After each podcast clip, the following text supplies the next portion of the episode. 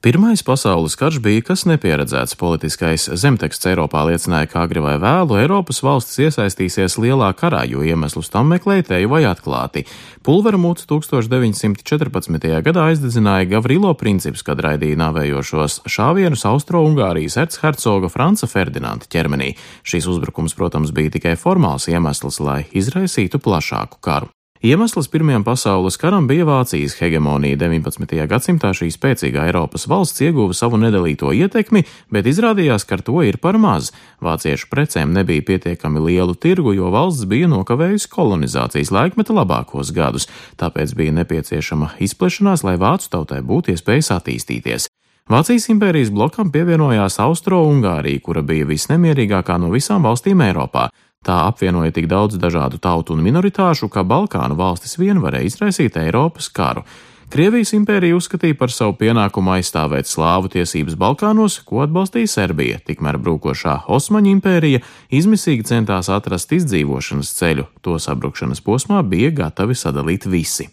Francija, Lielbritānija un Krievija bija tās valstis, kuras nolēma radīt savienību pret Vāciju un Austro-Ungāriju. Pirmais pasaules karš ar to arī īpaši, ka savu galu tajā dabūja uzreiz četras impērijas - Vācijas, Austro-Ungārijas, Osmaņu un Krievijas, bet 1918. gada 11. novembrī pulksten 5.12 no rīta Vācijas delegācija maršala Foša dzelzceļa vagonā parakstīja savu kapitulācijas aktu.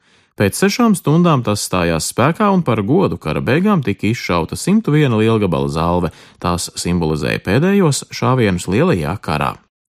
Pirmais pasaules karš kā bruņots konflikts pavēra ceļu vairākām valstīm uz savu brīvību. Sabruka Austro-Ungārija, Osmaņu impērija, brīvību ieguva arī Baltijas valstis, taču Lāčplēša diena, kurus vien 11. novembrī gan ir saistām ar 1919. gadu.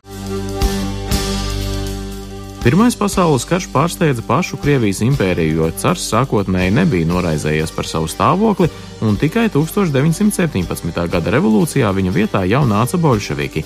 Vācu karaspēka daļas, kas bija palikušas Baltijā pēc kara beigām, negribēja pieļaut atsevišķu valstiņu izveidošanos, tāpēc arī Latvijai neatkarība 1918. gadā nebūtu vēl nenozīmēja mierīgu dzīvi.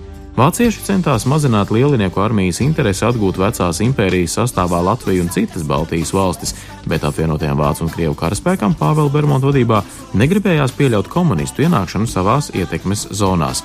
Visu šo interešu vidū Latvija kā neatkarīga valsts šķita drauca visām karojošajām pusēm.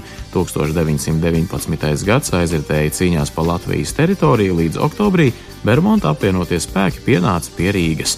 Sākās cīņa par galvaspilsētu un jaundibinātās Latvijas valdībai kļuva skaidrs, šīs būs izšķirošās cīņas par valsts nākotni. Aptuveni mēnesi ilga kauja par Rīgu. 11. novembrī atbrīvošanas misija bija beigusies, jo latviešu karaspēkam izdevās salauzt bermontiešu pārspēku.